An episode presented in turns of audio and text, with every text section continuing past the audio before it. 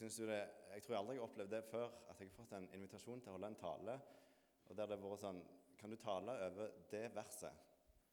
Og så skal jeg inn og se Ja, forresten, jeg skal altså ha to taler om det samme verset før du kommer. jeg så ikke at hun hadde liksom talt om akkurat det samme verset to ganger før. Men det var, det var litt sånn fare for at jeg sier litt de samme tingene. da. Men jeg har prøvd å høre litt på det han har sagt. Jeg håper det ikke blir bare gjentakelse. Men veldig kjekt å få komme uh, her i dag. Um, og jeg er litt spent sjøl på det som jeg skal si. Så ja, skal vi be litt før jeg begynner. Himmelske Far, jeg takker deg for at du er her, og jeg takker deg for at du er den samme i går og i dag, og at du er det til evig tid. Takk for at du um, har gjort det som skal gjøres. Og for ditt, takk for at ditt ord er levende og kraftig. Um, du skapte med ditt ord, og du skaper fortsatt med ditt ord. Jeg ber om at du må gjøre det i oss i dag òg, at vi må skape nytt liv, at det livet som allerede er fått, at vi kan få styrke i det livet, så vi kan ta det med oss videre og kjenne, eh, kjenne at du er der. Um, hjelp oss til å ta til oss det du vil si. I ditt navn. Amen. Aller først har jeg litt lyst til å spørre om alle kan lukke øynene i si, et halvt minutt ifra nå. Jeg ser veldig godt, eller jeg ser ikke veldig godt, for det er så mye lys her, men jeg får med meg noen øyne oppe. Ja.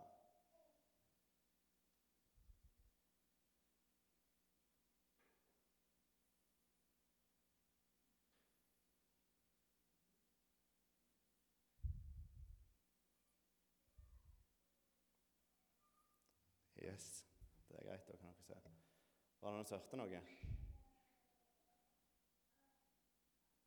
Var det noen som hørte noe mens dere hadde øynene igjen? Hæ? Ja, det var noen som sa hallo. Hørte dere hvem det var? Er det noen som hørte hvem som sa hallo? Ja. Ole hørte det. Elbjørg sa hallo. Og Ole hørte det, og Eline hørte det. så Jeg Jeg vet ikke om det var noen andre rundt her som hørte det. Men grunnen til at det var bare de som hørte det, det var fordi at for det første så tipper jeg at Ole har hørt stemmen hennes før. Kanskje. Eline satt relativt nærme og så at jeg avtalte noe med Elbjørg på forhånd, så jeg tipper at hun skjønte tegningen. Um, vi gjorde det samme eksperimentet på bedehuset på Ålgård sist helg. Uh, og Da var det òg avtalt med en som skulle si hallo. Og når han sa hallo, så, det, så spurte de akkurat sånn som jeg gjorde nå. Var det noen som sa hallo? Og så var det en unge som rakte opp hånda og sa jeg vet, jeg hørte det var noen som sa hallo. Eh, så spurte hun som møteleder ja, vet du hvem det var som sa hallo. da? Ja, det var han og han. Og så sa navnet på han som sa hallo. da. Og så spurte jeg hvordan visste du det? Hørte du at det var det? Nei. Ok, Hvordan visste du? det? Jo, for far sa det av han. Eh, og så ble det litt sånn bra eh, vitnesbyrd bare i, i, den reaksjonen som kom der. Eh, den som, her, denne ungen hadde en far som kjente igjen denne personens stemme. Eh, og Det jeg prøve å snakke bitte litt om helt i begynnelsen, er det å høre Guds stemme. Eh, og Ole satt nimme eh, Elbjørg og hørte den stemmen før, så han hørte at det var Elbjørg som sa det. For han hørte den stemmen før. Eh, og så tror jeg det kan være litt sånn med oss at hvis vi øver oss opp i, jo mer vi hører av det Gud vil si oss, så, så, er det lettere å kjenne den igjen. Sånn at eh, hvis det er mange som gjerne hører det som blir sagt, og det blir sagt mye forskjellig, så det er det vanskelig hvis du ikke har trening å høre, skille stemmene ifra hverandre. Og skille hvem som er Guds stemme. Men hvis du blir vant med det, hvis du hører den flere ganger, så kan du gjerne eh, lettere skille ut hva som er hans stemme. Og Hvis du ikke kan det sjøl, så er det gjerne noen rundt deg som kan si eh, far sa det var hans stemme. Og Sånn tenker jeg litt for ungene våre sin del òg. At vi kan være et ledd som kan hjelpe dem til å skille ut eh, all den informasjonen du får, alle de rådene du får. Hva er det som her er av Gud? Vi har kanskje litt mer forutsetning etter hvert for å kunne skille ut hva som virkelig kommer fra Han, eh, og hva som er andre ting som vi ikke bør ta til oss. Eh, så det ble en litt sånn eh, å tenke på før jeg begynner med salmer som jeg skal lese. da. Eh, for I denne salmen som vi skal lese, eh, salme 37 Jeg vil ikke bare lese det verset vi skal ha i dag, jeg skal lese en hel del av salmen. Så forsto jeg det er litt sånn problemer med det her som får opp teksten, så det kommer bare ett et vers. Så vi får se litt hvordan det går. Eh, men, men i denne salmen så står det en hel del ting som er veldig tydelig Guds stemme, og som ikke bare står her, men du kjenner den igjen gjennom hele Bibelen. Det er en del ting som han sier inn i livene til tydeligvis eh, David her, som skrev salmer, men òg som Jesus gjentar, eh, som det er verdt å legge merke til. Eh, skal vi begynne med å lese fra vers 1 i Salme 37. Av David. La ikke din vrede opptennes over de onde. Misunn ikke dem som gjør urett. For som gresset blir de hurtig skåret av, og som grønne vekster visner de ned. Sett din lit til Herren og gjør godt. Bo i landet og legg vind på trofasthet. Gled deg i Herren, så skal Han gi deg det ditt hjerte trakter etter. Sett din vei i Herrens hånd og stol på Han. Han skal gjøre det. Han skal la din rettferdighet bryte fram som lyset og din rett som lyset midt på dagen. Vær stille for Herren og vent på Han. La ikke din vrede opptennes over den som har lykke på sin vei, over den mann som setter i verk onde planer. Avstå fra vrede og la harme fare. La ikke din vrede opptennes, det fører bare til det som ondt er. For de som gjør ondt, skal utryddes, men de som venter på Herren, skal arve landet. Om en liten stund så er den ugudelig ikke mer. Ser du etter på hans sted, så er han borte. Men de saktmodige skal arve landet og glede seg ved mye fred. Den ugudelige pønsker på ondt imot den rettferdige og skjærer tenner imot ham. Herren ler av ham, for han ser at hans dag kommer. De onde drar sverdet og spenner sin bue for å felle den elendige og fattige, for å drepe dem som vandrer omkring. Deres sverd skal komme i deres eget hjerte, og deres buer skal brytes i stykker. Bedre det lille som de rettferdige har, enn mange ugudeliges rikdom. For de ugudeliges armer skal brytes, men Herren støtter de rettferdige. Herren kjenner de ulastelige dag, de ulasteliges dager. Deres arv skal bli til evig tid. De skal ikke bli til skamme i den onde tid. I hungerens dager skal de bli mette. For de gudløse går til grunne. Herrens fiender vil bli som blomsterprakten på marken. De blir borte, de forsvinner som røyk.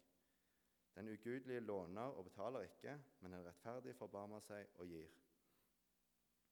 Fordi Herren velsigner, skal arve landet, eh, men de han forbanner, skal utryddes.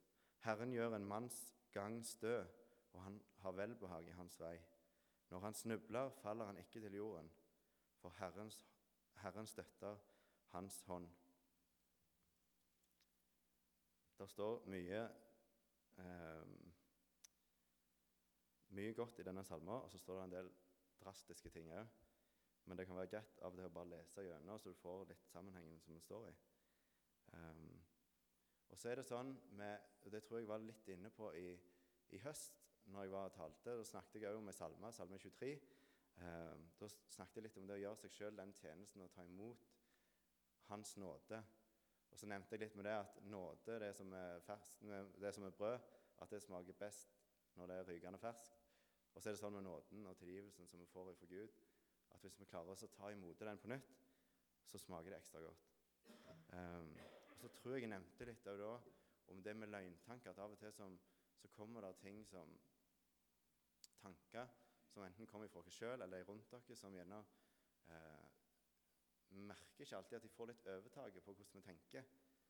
Eh, det kan være helt sånn enkle ting. 'Dette her får jeg aldri til', eller 'jeg er ikke god nok'. Det kan være eh, veldig mange sånne ting. Og så kommer Gud med sine tanker eh, og sin stemme og forteller liksom sannheten i livet vårt. Og så, og så kan vi gjøre oss sjøl en tjeneste og prøve å ta imot det om vi ikke helt klarer, klarer å for, forstå det, eller, eller, helt kjenne at det føles sånn. Så kan vi prøve å ta det til oss. Så fortsetter jeg litt på det denne. Um, denne gangen òg, da. Jeg holder meg i salmene.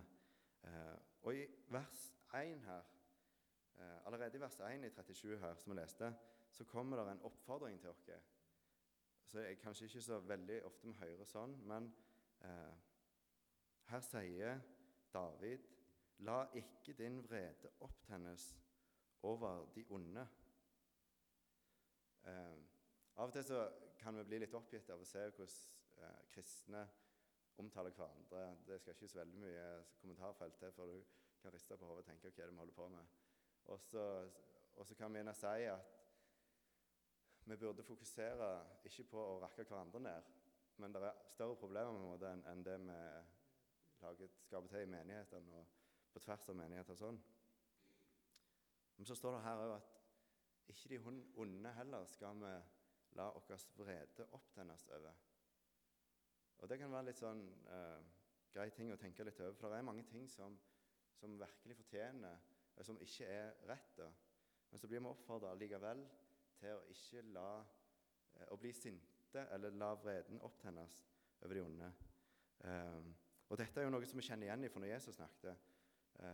I Matteus 5, fra vers 45, så står det Eller fra 44. Men jeg, men jeg sier dere, elsk deres fiender, velsign den som forbanner dere, gjør vel imot den som hater dere, og be for dem som forfølger dere, for at dere kan være barn av deres Far i himmelen. For han lar sin sol gå opp over onde og gode, og lar det regne over rettferdige og urettferdige. Om dere nå elsker den som elsker dere, hva lønn har dere da? Gjør ikke også tollerne det samme? Og om dere hilser bare på deres brødre, hva stort gjør dere da? Gjør ikke også tollerne det samme? Og så står det her veldig drastisk til slutt Vær da fullkomne, like som deres far er fullkommen. Um, og Dette er jo et vers som vi hører mange ganger. Uh, elsk deres fiender. Uh, og det er kanskje lettere å uh, si enn å gjøre i praksis òg. Eh, han sier jo 'gjør godt ikke bare mot de som gjør godt tilbake igjen'. Og så begynte jeg å tenke litt på det hvis jeg går gjennom livet mitt. Hvor mange av de tingene jeg gjør, gjør jeg for folk som kanskje gir meg noe tilbake igjen. Eh, så er det ganske ofte Nå, har vi jo unger, da, og Kanskje ikke så mange ganger de Jonathan sa en gang spurte han om han kunne hjelpe meg med noe. 'Å, må jeg alltid gjøre alt for deg, pappa?' det var litt sjølinnsikt. Takk. Eh, men, men allikevel så får vi jo ting tilbake igjen. Og, og spesielt når vi gjør mellom oss voksne, eh, inviterer noen på besøk, så er det ofte kanskje folk som inviterer tilbake igjen. Eh, og så oppfordres vi til å gjøre vel òg mot de som ikke gjør vel mot oss og til og med elske våre fiender. Eh, og så står det For han lar sin sol gå opp over onde og gode, og han lar det regne over rettferdige og urettferdige. Um, og det er veldig tydelig at han gjør her i dette livet her. Um, at han behandler folk, folk, som ikke tror på han og ikke tok imot han, kan ha vel så gode liv her nede som det vi eh, kristne kan ha, kanskje. Og Derfor fortsetter David i vers 1 her, og så sier han Misunn ikke dem som gjør urett. Og så tenkte jeg litt på hvorfor står det egentlig det? Er det vits å skrive det? Men kanskje det nettopp er sånn da, at hvis vi som kristne faktisk tror at det er noen offer i det å være en kristen, at, at vi må faktisk legge vekk ting som vi gjerne kunne hatt lyst på sjøl um, Hvis vi skulle valgt helt sjøl, så ville vi kanskje gjort noe annet. Da hadde vi kanskje blitt rikere, eller kanskje fått en litt mindre travel hverdag. Alt dette kommer vi holde på med. Men så står det 'misunn ikke den, dem som gjør urett'. Og Da er det kanskje tydelig at de, av og til hvis vi gjør urett, så kan vi faktisk lønne seg på kort sikt. Eh, og da hvis vi ønsker å gjøre det som er rett, så kan det føre til at vi faktisk kan kjenne på en viss misunnelse. Og så blir vi oppfordra om eh, å ikke gjøre det. Og så brukes det et eksempel som er ganske bra, da. Det, eller talende, iallfall. For det står eh, Skal vi se hvor henne det var det sto eh, Ja, i vers 20 så står det For de gudløse går til grunne. Herrens fiender vil bli som blomsterprakten på marken. De blir borte, de forsvinner som røyk. Det er en ganske drastisk måte å beskrive det på, men her står det at det beskrives som en blomsterprakt på en mark. Um, jeg husker jeg sa det en gang jeg satt i bilen med far, så var jeg så fascinert over et jorde som var helt knallgult. Og så syntes jeg det var kjempefint. Og så far er jo bonde, og han sier det var ikke fint. Det betyr bare at de ikke plukket ugras. Eller at de ikke sprøyta på ugras, for det var løvetenner og alt. Og så, men jeg syntes det var kjempefint. Det var helt gult da. Men så, så var det bare gult ei bitte liten stund, kanskje ei uke, og så var det helt grønt igjen. da. Eh, og blomsterpakten kan være litt sånn at han er utrolig fin der han står, og så plutselig så forsvinner han igjen. Og så sammenligner Gud eh, kanskje livet her nede som noen av de som ikke følger han da. At det kan se ut som en, en fantastisk blomstereng, men så er det en sånn eh, sannhet som ligger bak det, at en dag så blir det vekke. Og Det er ganske dramatiske ting, eh, men så står det likevel. da. Og så kommer det i eh, så, så, tenkte jeg litt på hvorfor står det egentlig sånn. At, hvorfor skal vi ikke eh, henge oss opp for mye i det som de onde gjør? Altså, Vi skal ikke bli sinte på det, vi skal ikke misunne det. Eh, hva skal vi da gjøre, og hvorfor skal vi ikke gjøre det? Og Så fant jeg ei salme som er skrevet ikke av David, men av Asaf. Og Det er salme 73. Og Der står det litt om hva som kan skje hvis vi henger oss for mye opp i alt det galne som alle de andre gjør. Um, fra vers 1 skal jeg lese, og så leser jeg eh, altså Salme 73 fra 1 til 5 og 11 til 17. Um, ja, Gud er god mot Israel, mot de rene av hjerte. Men jeg, nær hadde mine føtter snublet, på lite nær var mine trinn glidd ut.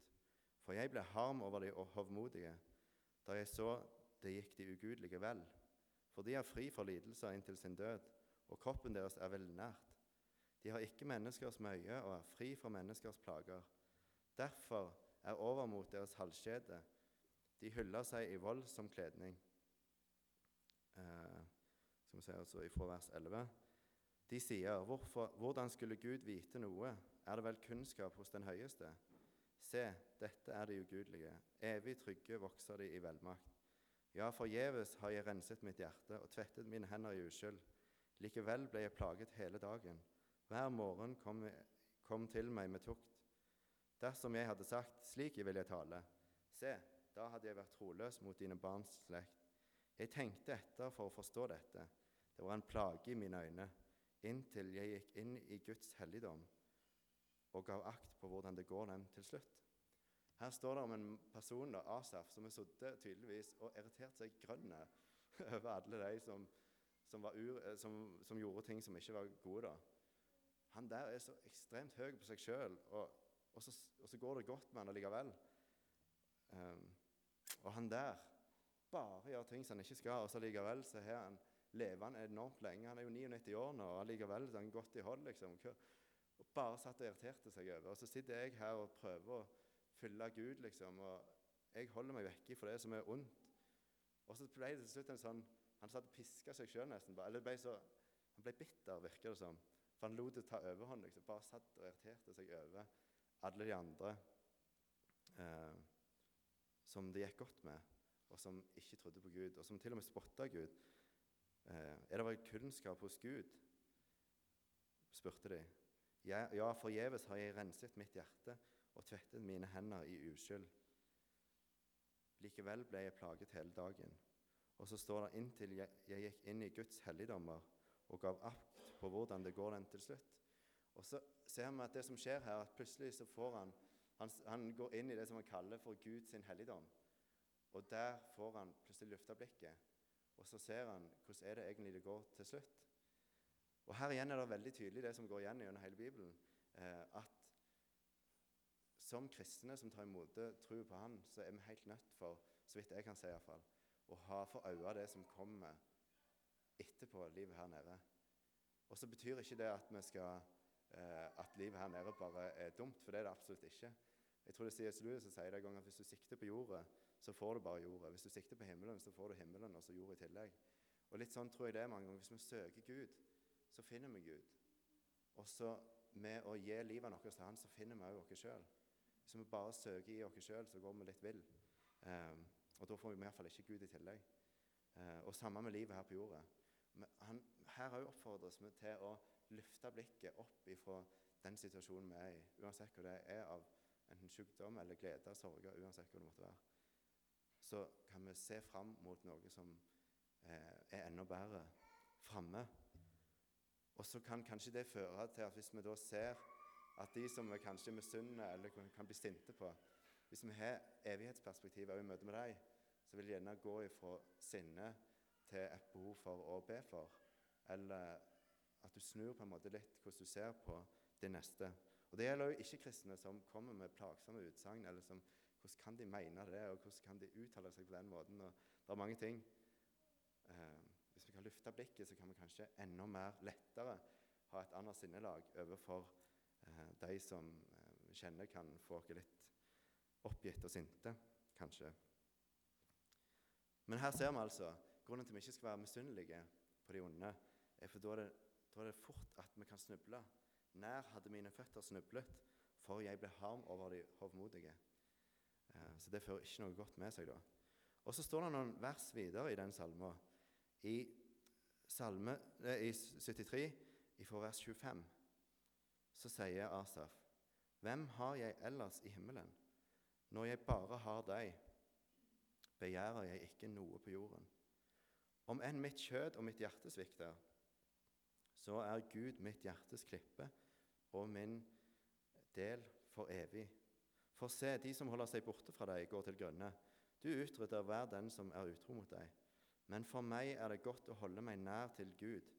Jeg tar min tilflukt til Herren, Herren, for å fortelle alle dine gjerninger. Om enn mitt kjød og mitt hjerte svikter, så er Gud mitt hjertes klippe og min del for evig.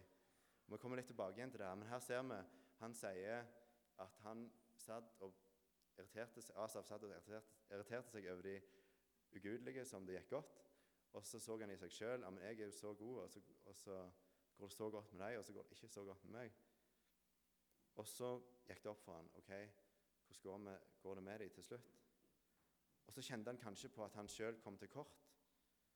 Og så sier han om enn mitt kjød og mitt hjerte svikter, så er Gud mitt hjertes klipp og min del for evig.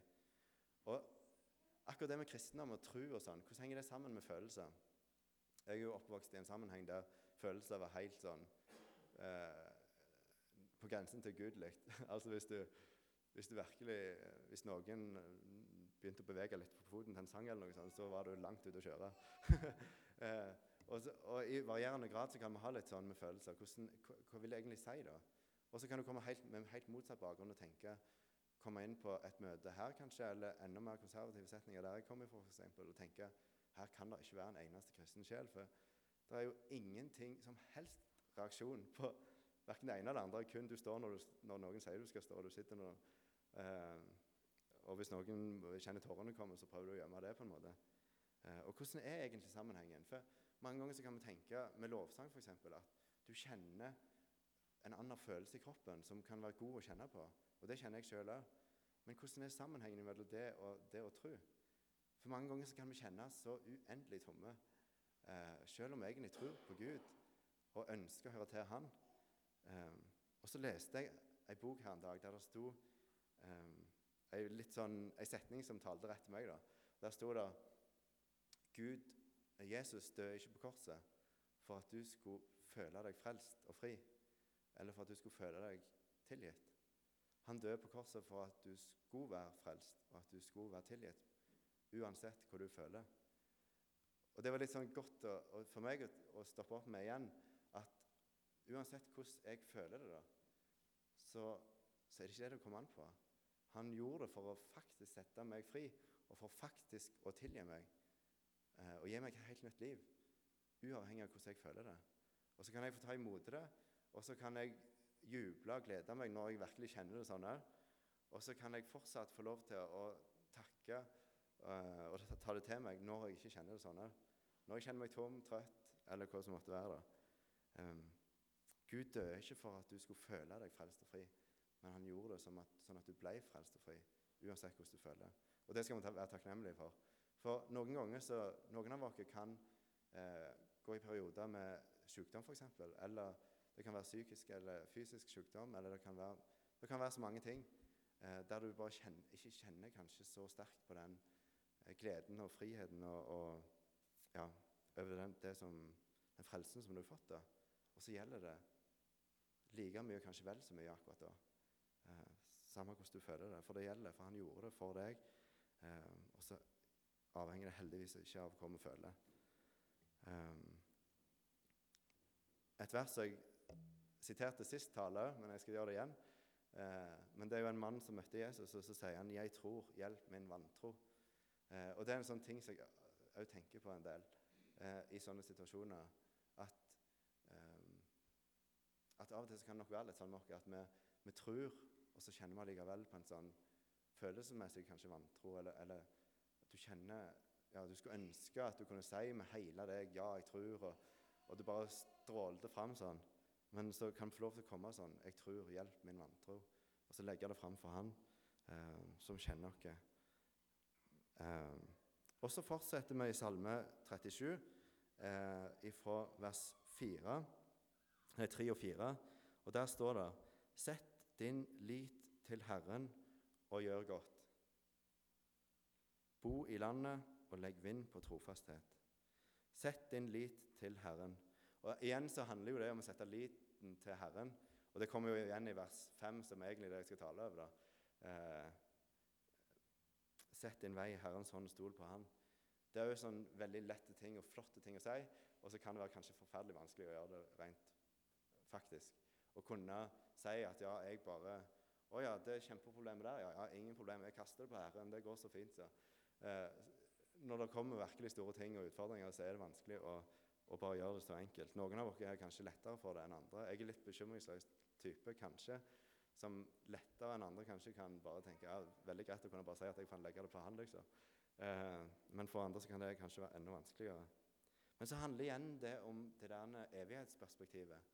Hvis det er Han som holder dere oppe, som har skapt dere, som har et evig liv for dere, og som Ja, han ga sitt liv for at vi skulle ha et evig liv. Eh, Hvis han virkelig bryr seg så mye om oss, så, så er nok det beste vi kan gjøre, å legge det over på han. Om vi ikke klarer å kjenne det sånn. Og Hvis det er ting du kjenner at dette er så stort Jeg klarer liksom ikke å legge det fra meg. Det blir en sånn evinnelig bekymring. Så tror jeg det kan være en god øvelse å møte de tankene med å bare si eh, litt sånn 'Jeg tror, hjelp min vantro'.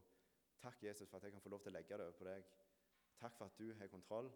Jeg kjenner at jeg klarer ikke helt å slippe bekymringen, men, men, hjelp meg til det. Nå legger jeg det over på deg, eh, og så får du ta deg av det. Eh, og så handler det om å møte sånne løgntanker på en måte. At jeg må fikse, jeg må holde, ha kontrollen. Eh, møte det med det han sier. Sett din vei i Herrens hånd og stol på Han. Han skal gjøre det. Sett din lit til Herren. Han holder. En dag så vil vi alle oppleve det. At ja, det holdt, det vi trodde på. Så står vi der i evigheten og bare Oi, det var jo faktisk sant. Uansett om jeg ikke, det var en kjedelig søndag jeg satt og hørte det om igjen. og tenkte kan det virkelig være snakk om en evighet i himmelen? Eller, eh, og, så, og, så, kan du kanskje se deg alle gangene i livet som han har båret deg. Når du prøvde å bære deg sjøl, kanskje, eller så bærer han noe. Eh, jeg vet, Det, jeg òg nevnt før. Det blir sånn mange ganger at du sier ting om igjen. Men, men akkurat det med å stole på Gud um, Jeg har opplevd det gjennom isen en gang. Jeg vet ikke hvor mange som har opplevd det. Det er en litt sånn interessant opplevelse. du tror isen er trygg, og så var den plutselig ikke der likevel. og så Hvor dypt er det her? Og så forsvinner du ned. Uh, heldigvis var det ikke veldig dypt der jeg gikk gjennom. Men, men, akkurat det med etterpå så ble det litt sånn Hvis jeg skal ut på en is, så må jeg være litt sikker på at den faktisk holder det. Eh, og så går du liksom litt sånn utpå. Holder den, holder den ikke, og så må du kanskje begynne å bore hull for å se hvor tjukk den er. Og sånn. Og så hender det av og til at det er tjukk is underst. og så har det kommet vann igjen, og så kommer det et lite, tynt lag oppå toppen. Og så kan du bli litt lurt, da, for du tenker Oi, den isen holdt jo ikke. Og Så ligger det gjerne bare et lite lag vann, og så kommer det tjukk is unna. Eh, og Sånn føler jeg kanskje livet som kristen kan være av og til. At vi tror at vi må komme med noen sånne tynne lag med is Eller vi tror det er tjukke sjøl, med is som skal bære oss. Vi, vi ordner oss på forskjellig vis, enten det er penger eller relasjoner og sånn rundt dere som gir dere en trygghet. da, eh, tror vi. Og så opplever vi for tid til annen at det laget som jeg bygde meg der, det holdt ikke lenger. Det kan være f.eks. en jobb, og så plutselig går den, forsvinner den. og så føler du at du detter litt unna. Eller det kan være ekteskap, det kan være vennskap, det kan være ting i deg sjøl, det kan være penger og mye forskjellig. Som, sånne lag som vi kan oppleve at av og til bare brister. Og så er vi kanskje ikke klar over at under de lagene som er helt unødvendige, prøver å legge oss sjøl så er det bunnfrosset. Så vi kan aldri dette helt unna. For, for, for Gud kommer med et liv, en trygghet i livet vårt som er helt båndfrosset. Det går ikke an at du kan dette unna. Han kan heller ikke gå sunt. Og Derfor så sier han, sett din lit til Herren og stol på Han. Han skal gjøre det. Han skal gi deg det ditt hjerte trakter etter. Bo i landet og legg vind på trofasthet. Og Det er jo en ting som er høyaktuell nå, å få en oppmuntring til å være trofaste. Vær trofaste i det du gjør. I relasjoner, på jobb, med deg sjøl, med Gud. Eh, vær trofast. Han er trofast, og så skal vi få lov til å være trofaste sånn som han. Og så tenkte jeg litt på det som står her. Eh, så skal han gi deg det ditt hjerte trakter etter. Det er jo litt sånn mm, Kan vi ønske hva som helst nå? eh, men så er det veldig tydelig det som står føre. da. At du skal stole, sette din lit til Herren og gjøre godt. Du skal, du skal få lov til å la være å være sinte på de onde. Og du skal legge vind på trofasthet, glede deg i Herren. Og så skal Han gi deg det ditt hjerte trakter etter. Men så, så, tenkte jeg liksom hva, Det er jo litt frimodig å si du kan bare få all, eh, det ditt hjerte trakter etter. Men så fant jeg ut at hvis alt det fører stemmer, så er nok hjertet ditt ikke en plass der det bare ønsker seg alt mulig av enten det er godt eller vondt. Så da er det kanskje trygt at det står allikevel. Men det står faktisk hvis vi setter vår lit til Han og gleder oss i Han, så skal Han gi oss det vårt hjerte trakter etter. Og så tilbake igjen til det med følelser som jeg snakket om. For jeg sa jo at det, vår frelse og frihet handler ikke om vi føler det sånn. Men så står det her at vi skal likevel få lov til å kjenne på følelsen. Vi må bare være obs på at det ikke er den det kommer an på. Gled deg i Herren, står det en veldig oppfordring til å glede seg i Herren. Og Det kommer jo igjen flere ganger i Bibelen. Gled deg i Herren. Vi skal få lov til det, og det, det er en god ting å kjenne på gleden eh, i Herren. At vi er frelst og fri, at vi har himmelen over livet vårt, at vi er en hjelper som vi kan gå til med alt. En som gir oss bånnsolide is under livet vårt. Eh, det kan vi få lov til å være glad for, og det skal vi glede oss og det gjør noe med livet vårt. Gled deg i Herren, så skal Han gi deg det ditt hjerte trakter etter. Vi må bare ikke blande kortene og tenke at hvis vi ikke gjør det, da er vi en gang ikke frelst. For det er ikke det det kommer an på. Um, nå sier jeg det mange ganger, men bare så vi skal huske det. uh, Gled deg i Herren. Vi skal få lov til å gjøre det allikevel. Um, og så har jeg hørt at Svein Anton gikk gjennom uh, vers 5, som vi kommer til nå. Sett din vei i Herrens hånd og stol på Han. Han skal gjøre det. Og så syns jeg jeg hørte han ramste opp mange ting som du kunne legge over på Herren i hans hånd eh, i den ene talen. Og så tror jeg den andre talen hvis jeg ikke tar feil, handla litt om å legge seg i en mesters hender. Stemmer ikke det? Er det noen som hørte? Ja, jeg tror det var det han snakket om. i hvert fall. Eh, og det er jo en, eh, ingenting som er bedre enn en det. Og det hadde jeg et, et eksempel på sjøl. Eller ikke meg, men en kompis av meg som måtte ta imot sin, sitt andre barn i bilen på vei inn til sykehuset. Og han er kanskje ikke den typen som jeg så for meg at var den som gjorde det lettest, hvis jeg kan si det på den måten. Men det var jo litt drastiske omstendigheter. og Jeg tror det kom litt fort. Så måtte de kjøre helt til Egersund. Så kom det en ambulanse som skulle kjøre imot, men han krasja, så de måtte en ny, sende en ny ambulanse. Og da gikk det for lang tid, da, så de måtte ta imot det. Eh, de måtte bare ta, ordne det sjøl på telefon. Eh, og det gikk greit. Men det er jo ingen tvil om at jeg tror de fleste damene her som har fått unger, kan si at det sikkert er veldig trygt å ha ei jordmor istedenfor en litt nervøs kommende far som skal hjelpe. Eh, og sånn er det jo med Gud òg. Altså, det er jo ingen tvil. Eh, at å sette, og legge vårt liv i en mesters hender, det er det absolutt beste vi kan gjøre. Men så står det Sett din vei i Herrens hånd og stol på Han. Han skal gjøre det. Han skal gjøre det. Og så står det egentlig ikke spesifisert hva han skal gjøre der. Og det står litt forskjellig alt etter hvilken versjon du leser i. Eh, jeg tror den 11-utgaven så står det så griper han inn. Her står det han skal gjøre det. Men hvis vi leser videre da, i vers 6, så står det Og Hvis vi da tenker 5 og 6 i ett Sett din vei i Herrens hånd og stol på Han. Han skal gjøre det. Han skal la din rettferdighet bryte fram som lyset, og din rett som lyset midt på dagen. Så tenkte jeg kanskje det egentlig henger litt sammen. At det han har lyst å gjøre for oss, er at vi skal kunne få kjenne på en rettferdighet som han gir oss. For når, når, vi hører de her tingene Du skal ikke hisse deg opp over de onde, du skal ikke misunne, du skal glede deg i Herren, du skal sette en lit til Han og sånn. Eh, så kan vi av og til gjerne kjenne litt på sånn at vi kommer til kort. Og så at vi kanskje ikke føler at vi lever sånn som vi burde. da. Eller det er vanskelig å gjøre de tingene som blir oppmuntra til her. Og så vet jeg vi kan øve oss i det, og sånn, men, men, så er det ganger vi kjenner på at vi kommer til kort. Men så står det at Sett din vei i Herrens hånd og stol på Han. Han skal gjøre det. Han skal la din rettferdighet lyse opp, bryte fram som lyset, og din rett som lyset midt på dagen. Og rettferdighet det er jo et sånn ord som vi bruker mye innenfor kristendommen. Eh, og så brukes det på en litt annen måte til vanlig, kanskje. Det er ikke rettferdig. Jeg fikk to Nonstop istedenfor én, og han fikk to. ja, sånn. Én istedenfor to. og sånn. Vi, vi, tenker at det skal være likt hele veien. Eh, men rettferdig, å bli rettferdiggjort handler jo egentlig om sånn som i en rettssak. Så kommer inn en som har fått en, eh, blitt sikta for et eller annet, og så går det gjennom eh, hva han har gjort. og Noen sier han har gjort, og så sier han sitt, og så fram og tilbake. Og så bestemmer de seg for kanskje han var uskyldig. Da blir han egentlig rettferdiggjort. Noen har anklagt han for å ha gjort noe som var urett. Og så må de til retten for å finne ut hva var det egentlig som skjedde. Og så bestemmer de seg gjerne for nei, han gjorde ikke noe som var urett. Han gjorde det som var rett. Ellers er det ikke bevis for å, nok for å si at han gjorde noe urett. Men han gjorde, han gjorde, det som var rett. Og så, kommer, så, kan vi få lov til å ta imot det. At når den dagen kommer at, gå, at han skal gå gjennom livet vårt, eh, så, så, vet vi at det er mange ting som vi har gjort trødd feil. Men så trenger vi ikke bekymre oss for det, for han sier at han skal gjøre det. Han skal la din rettferdighet få skine som solen midt på dagen. For han ga sitt liv for deg.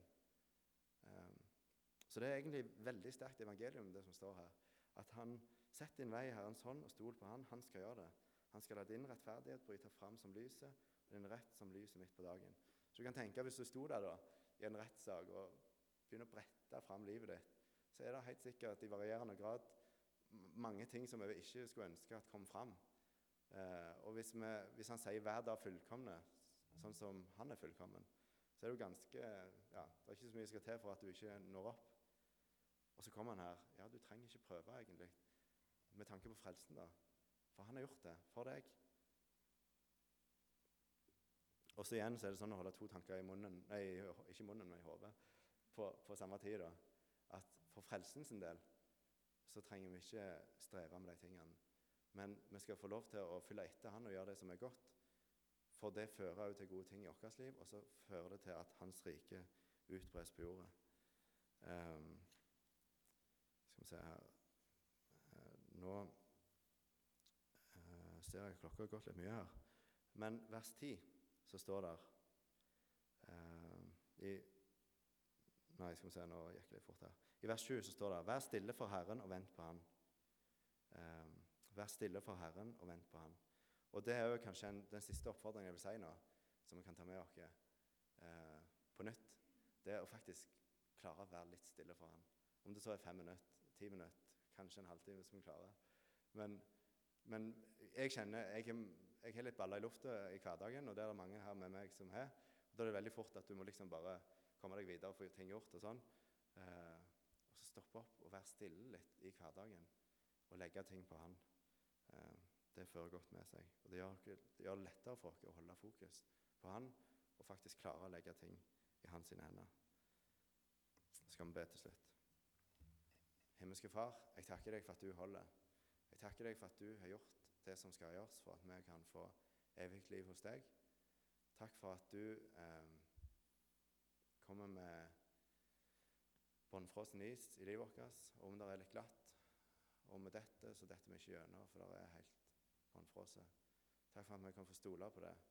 Og takk for at vi kan få lov til å dele det videre. Eh, og takk for at vi kan få lov til å legge eh, både rettferdig og urettferdig i din hånd. Eh, ja. Jeg ber om at du må hjelpe hver enkelt her inne til å legge av seg de tingene som, som de kjenner på at kanskje tynger. Hjelp oss til å finne gleden vår i deg. Eh, ja, det ber jeg om i ditt Amen.